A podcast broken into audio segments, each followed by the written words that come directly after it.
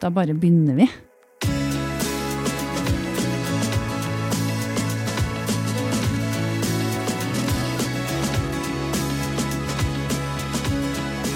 Velkommen til Kosmorama podkast. Jeg heter Silje Engenes og er direktør for filmfestivalen. Og I dag skal jeg selv være en av gjestene i podkasten, så derfor gir jeg ordet til journalist Randi Lillealteren.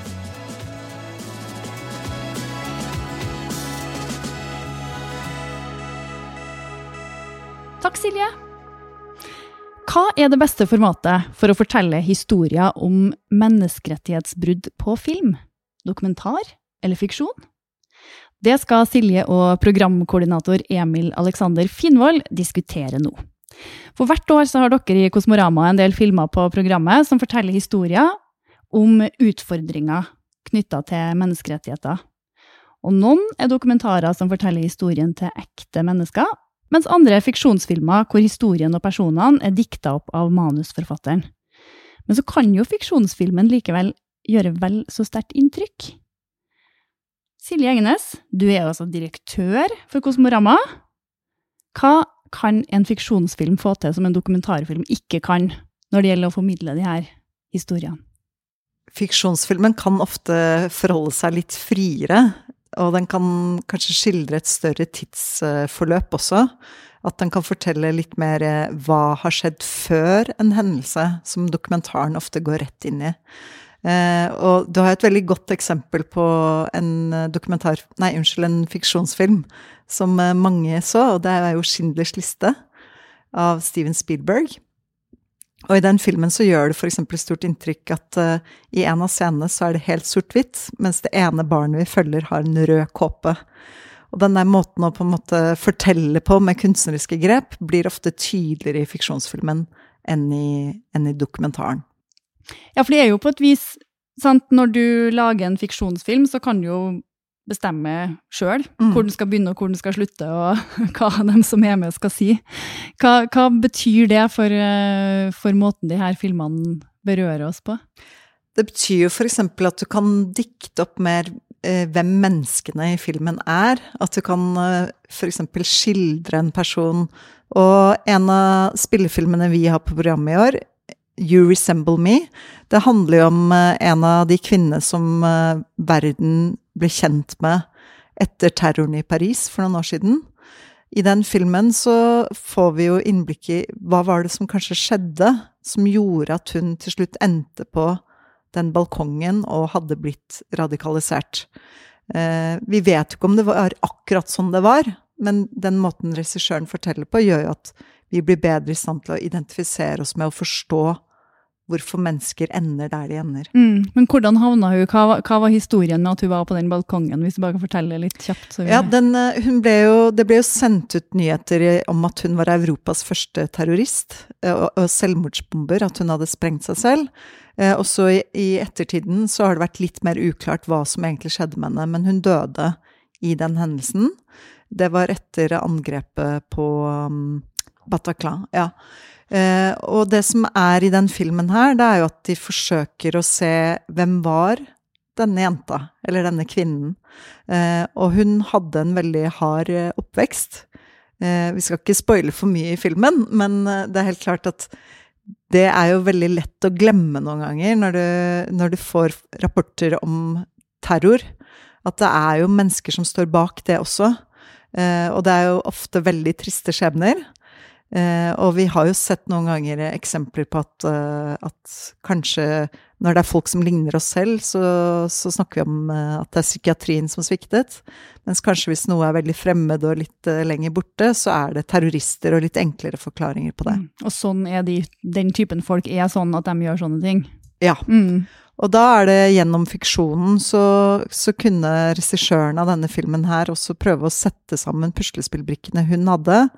Eh, og da er det sånn at da er det ikke sånn helt bokstavtro akkurat hva har skjedd i livet til, hun, eh, til denne kvinnen, men helt klart eh, brokker av ting som, som, trolig har skjedd. Som mm. gjør at vi kan identifisere oss med og, og gjenkjenne gjennom kunsten, gjennom ja. filmen. Ja. Men det er jo en annen film dere viser på Kosmorama i år, som er i dokumentarprogrammet, som heter Fly So Far. Det handler jo om ei kvinne i en vanskelig situasjon. Jeg så den i forbindelse med researchen til, til podkasten her. Uh, og det handler jo om ei kvinne i El Salvador som blir dømt til 30 års fengsel for overlagt drap på sitt eget barn, som var dødfødt. Og for meg så var det jo helt utrolig sterkt å komme så nært på hun som man gjør i den filmen. Eh, og fordi at du vet at det er en ekte person, som, og du er med når den ekte personen faktisk opplever ting. Hvordan kunne, eller Tror du det er mulig å bli like berørt av en fiksjonsfilm som det, det jeg ble av den dokumentarfilmen, Emil? Ja, altså det tror jeg det definitivt du kan. For det, det, er jo det som er likhet mellom dokumentarfilm og fiksjonsfilm, er at du ser eh, i begge de typer filmer så ser du personer. Du får vise personer. og Selvfølgelig så er det jo slik at eh, når du ser en fiksjonsfilm, så er du klar over at det her er karakterer. Men poenget er likevel at du har en person foran deg som, er, som lever, som ler, som, som, skriker, og som er sur og fortvila i mange forskjellige settinger. Eh, og det er sånn eh, altså Uansett, altså, jeg tenker at det måtte snakke til ens eh, liksom snakke liksom til det å være menneske, da, eh, når du ser på filmen sjøl. Du ser at det er noen som er i en situasjon, og akkurat der og da, når man ikke tenker høyt over at dette her er ekte, eller dette her er på en måte skuespillere, så sånn tror jeg det eh, på samme måte får fram den grunnleggende menneskelige, emosjonelle følelsen. Mm. Uavhengig om det er ekte eller ikke. Ja. Mm. Men likevel, hva tenker du at dokumentarfilmer kan eh, få fram som en fiksjonsfilm ikke kan? Ja, det som er greia med, med, dokumentarfilm, er jo det at eh, når man produserer en dokumentarfilm, så er det jo gjerne sånn at man er i et forløp. At eh, det er et tidsforløp hvor ting er usikkert, og man, hvor man ikke vet hva utfallet er. I motsetning til en fiksjonsfilm, liksom, der du på en måte har en story, du vet hvordan den starter og slutter, og du har et rammeverk. Eh, sånn at i, i, dokumentarfilmen så ser du da mer at det er, da er jo dokumentaristen med og sånn, ser og opplever sammen med personene som har de opplevelsene i sanntid. Sånn at det er en større en, Det lever på en annen måte, gjør det. For at vi vet også det at liksom det her foregår da i ja, foregår da i, i samme tid. Mm. Mm. Ja, og så er det jo et eller annet med at det at hendelsene utspiller seg foran kamera på et vis. Mm det gjør jo òg, sjøl om det kanskje da i en fiksjonsfilm kunne gjort dramaturgien enda mer sånn tydelig og tight, så gir jo det en slags eh, ekstra troverdighet til en dokumentarfilm òg, kanskje? Ja, og, så er det jo viktig å komme på det da, i en dokumentarfilm at uh, der også har du jo en, en person som måtte, en regissør som har som en, en overordnet, et overordna ansvar for hvordan filmen skal, eller dokumentaren skal eh, oppfattes og oppleves. Også, eh, dokumentar, dokumentaristen tar ganske bevisste valg liksom, for hvordan, hvilket perspektiv han skal få fram, hvilke synspunkt han vil få fram. Og liksom, med det kameraet så det, har, man, har, man, all makt, altså, for du velger hva du filmer. Men da tar du også et standpunkt på hva du ikke filmer, i tillegg. Sånn at det, det er jo liksom eh, i, sånn, eh, Det er også viktig å komme på at dokumentarer også er et, en kreativ behandling av et, eh, av et subject matter. Et, mm, ja. Av virkeligheten, ja, rett og slett. Rett og slett. Mm. mm. men, men, men, hva er liksom Hvis man prøver å tenke på som seer da, av film, og, og, den opplevelsen du får, hva er det dokumentarfilmen kan gi meg som en fiksjonsfilm aldri vil få til? Dokumentarfilmer er jo interessante fordi at på samme måte som du også ser at reality er veldig populært for tida, så er det jo sånn at eh, vi er jo opptatt av virkeligheten. Altså vi er rett og slett sånn liksom Hva er virkeligheten? Eh, og det som er spennende med å følge en dokumentar sånn som eh, Fly So Far, det er jo også at disse menneskene det handler om der, da jeg, Nå går jo jeg og tenker veldig mye på hvordan går det med dem? Ja. Hvordan, eh, og det at jeg kunne se i den filmen at det skjer en utvikling. At det er eh, flere som blir eh, berørt når hun får tatt opp sin rettssak om igjen. Det var veldig spennende. Så jeg føler at liksom nå er jeg litt mer opptatt av hva skjer i El Salvador. Ja. Og det tror jeg kanskje at, at traff meg enda litt mer enn om jeg hadde sett det som en fiksjonsfilm. For det hadde vært litt mer sånn fiksjonen er lagt til El Salvador. Mens i dag så vet jeg jo nå at når, jeg, når jeg, får uh, plinget mitt fra Amnesty når jeg er telefonaktivist der, og de sier at i El Salvador er en kvinne satt i fengsel av noe, så vet jeg at det her er en reell situasjon akkurat nå, som, som vi kan gjøre Eller vi må gjøre noe med, eller prøve å engasjere oss i, da. Så det, det maner kanskje enda litt mer til sånn aktivisten i oss.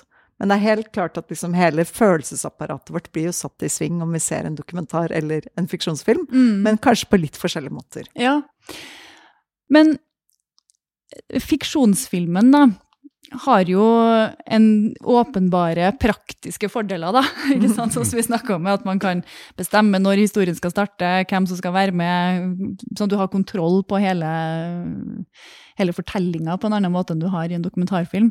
Eh, Sånn at hva slags historier er det som en fiksjonsfilm kan fortelle som en dokumentarfilm aldri ville ha kunnet fortalt?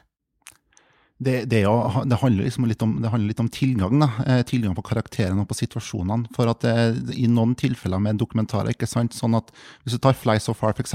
Du har jo eh, sånn, eh, dem som er filmer, og regissørene, sånn, de er jo i fengselet der hun Theodora er holdt til visse tidspunkt. ikke sant, Og har sånn, satte avtaler eh, sånn, til å bli intervjua for å fortelle om sin situasjon. Men så er det jo det at det er jo et helt liv som blir levd bak murene der, sånn, og det er mange øyeblikk, sårbare øyeblikk, eh, sånn eh, de har, kan liksom ha alene i cella si, eksempel, og sånn der, og som ikke får tilgang til.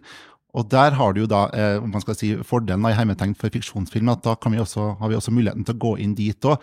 Se se om kanskje den situasjonen blir da sånn at det er noen replikker eller noen eh, følelser der sånn som ikke er akkurat det som skjedde på det tidspunktet, så kan man jo da ordne til en reaksjon som vi eh, antar da, eh, hun ville ha hatt i fengselscellene alene, f.eks.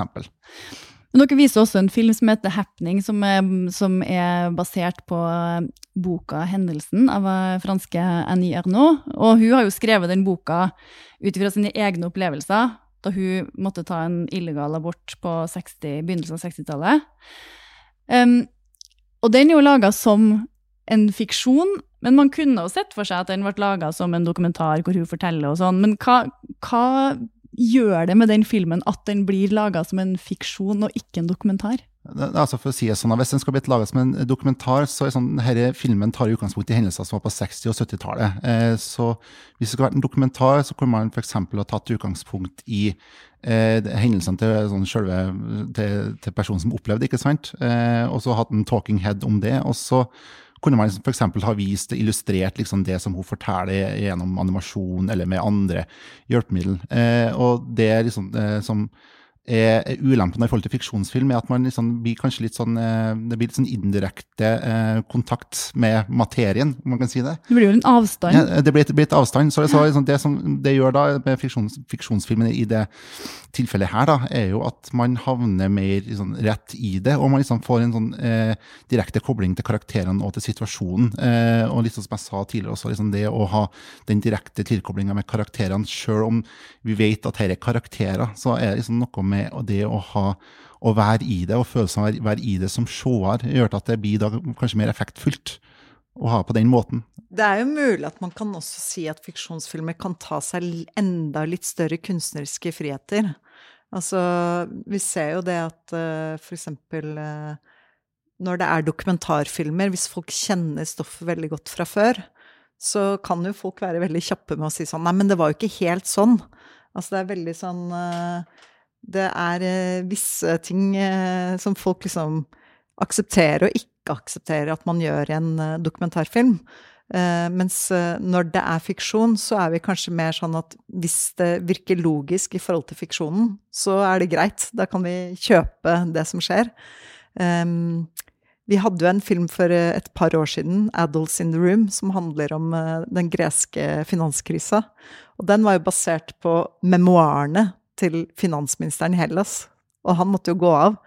Og i den uh, fiksjonsfilmen så er det jo dratt opp veldig sånn uh, uh, Altså det blir nesten karikert, av hvordan Hellas er, hvordan Frankrike er, osv. Og, og det hadde ikke funka så bra i en dokumentar. Men når det er fiksjon, så, så liker du å ta fram litt klisjeene fra hvert land, f.eks. Ja, nettopp.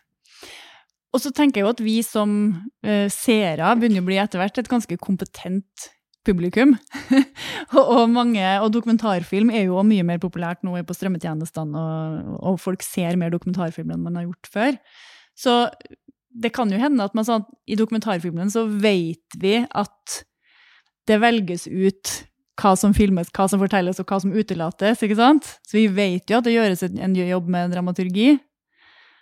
Og vi vet også i fiksjonsfilmen at her er det noen som prøver å lage en person jeg skal identifisere meg og få sympati med. Men så, så kjøper vi det likevel, på et vis. At vi liksom vi, vi, vi kjenner de forskjellige sjangrene. Mm, det tror jeg også er det jo veldig spennende da, når vi snakker om det her med at det er litt flytende overganger. ikke sant? At i den eh, Fly So Far så har de jo løst det f.eks. med noen animasjoner for å fortelle forhistorien. Fordi de kan ikke rekonstruere nøyaktig hva var det som skjedde først.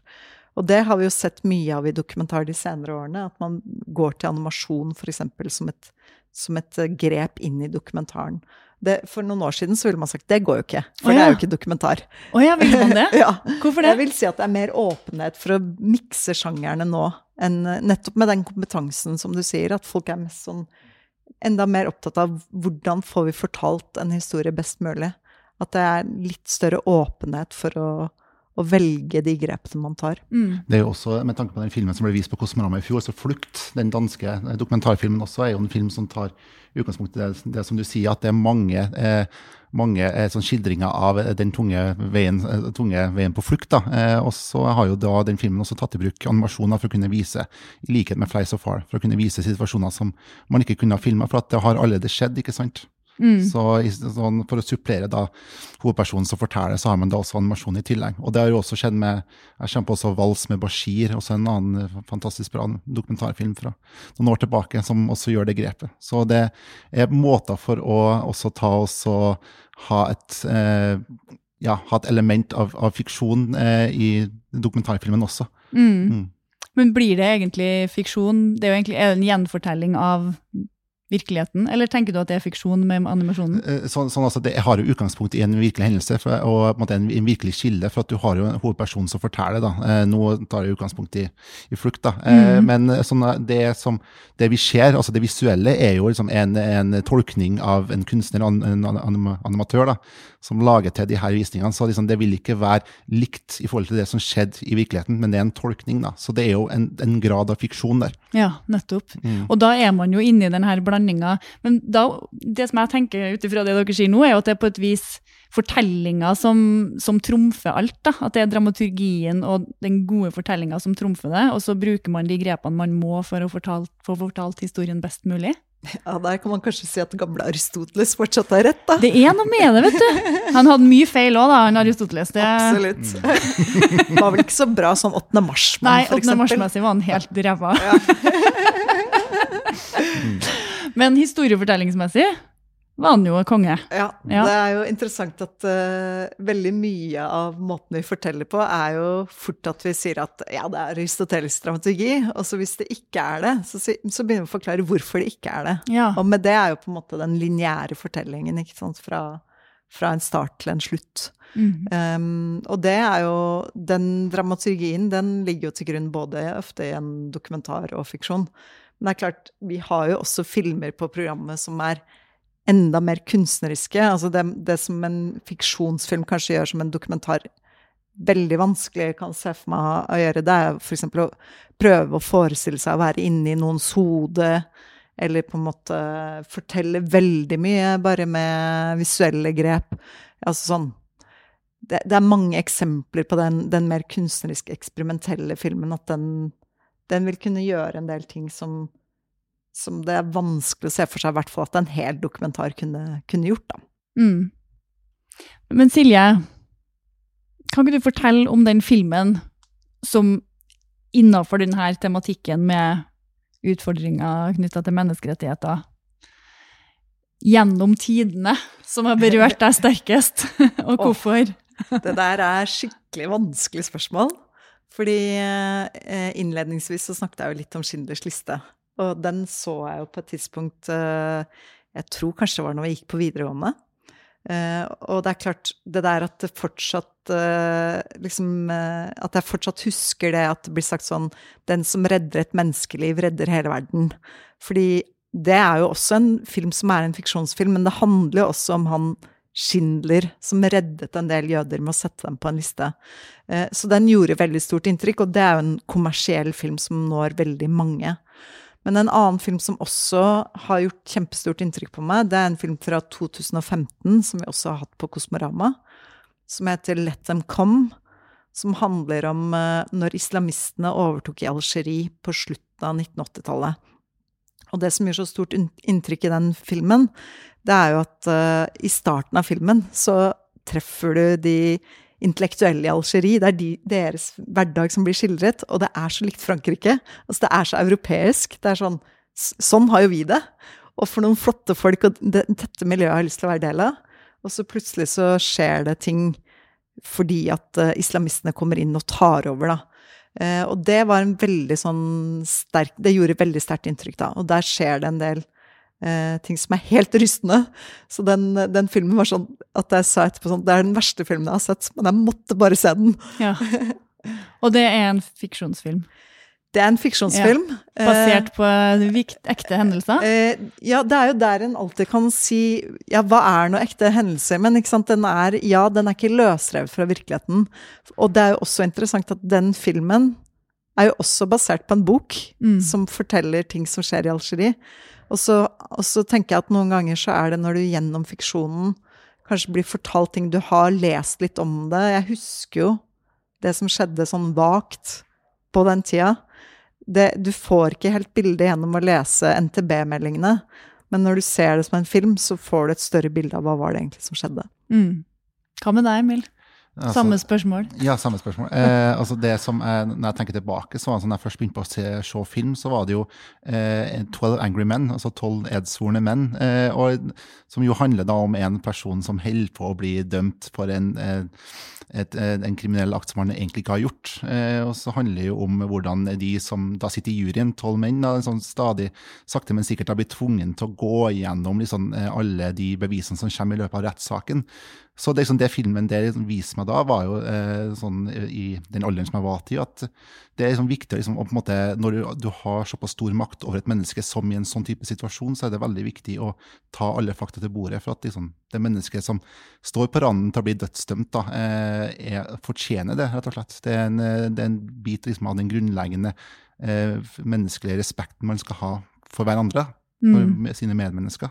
Eh, så det er jo sånn en spillefilm som jeg, når jeg tenker tilbake på, er sånn virkelig satt inntrykk på meg altså, og vist meg sånn, hva fiksjonsfilmen kan gjøre i den sammenhengen. Eh, for så vidt jeg vet, så tar ikke den filmen utgangspunkt i én spesifikk hendelse, men det er jo en eh, I hvert fall i USA, da, så liksom det, liksom det, å være i jury duty og sånn, det, det, er jo en, sånn, et konsept som mange kjenner seg igjen til. Mm.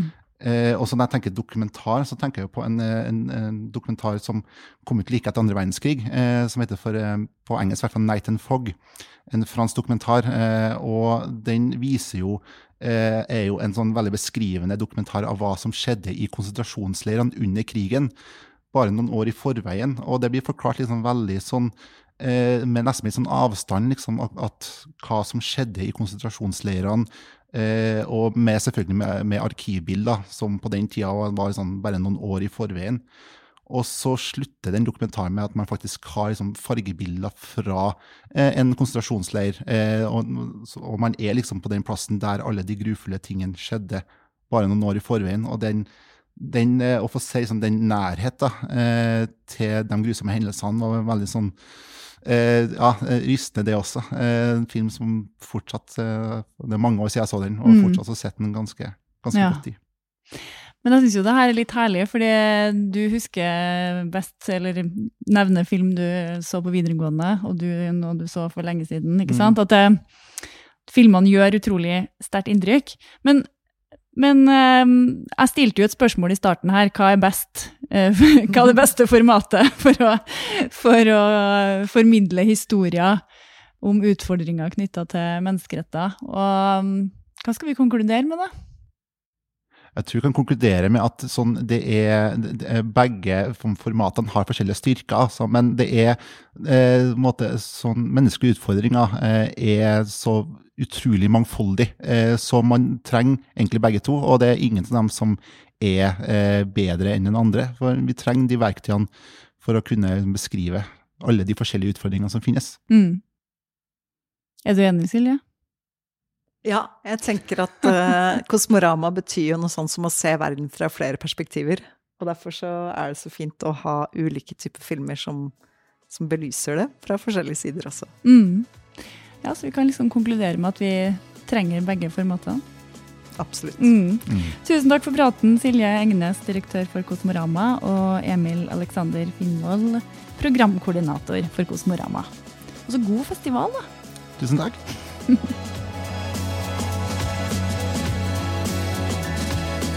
Du har hørt Kosmorama-podkast. Den er laget av Historiebruket for Kosmorama. Podkasten er støttet av Fritt Ord.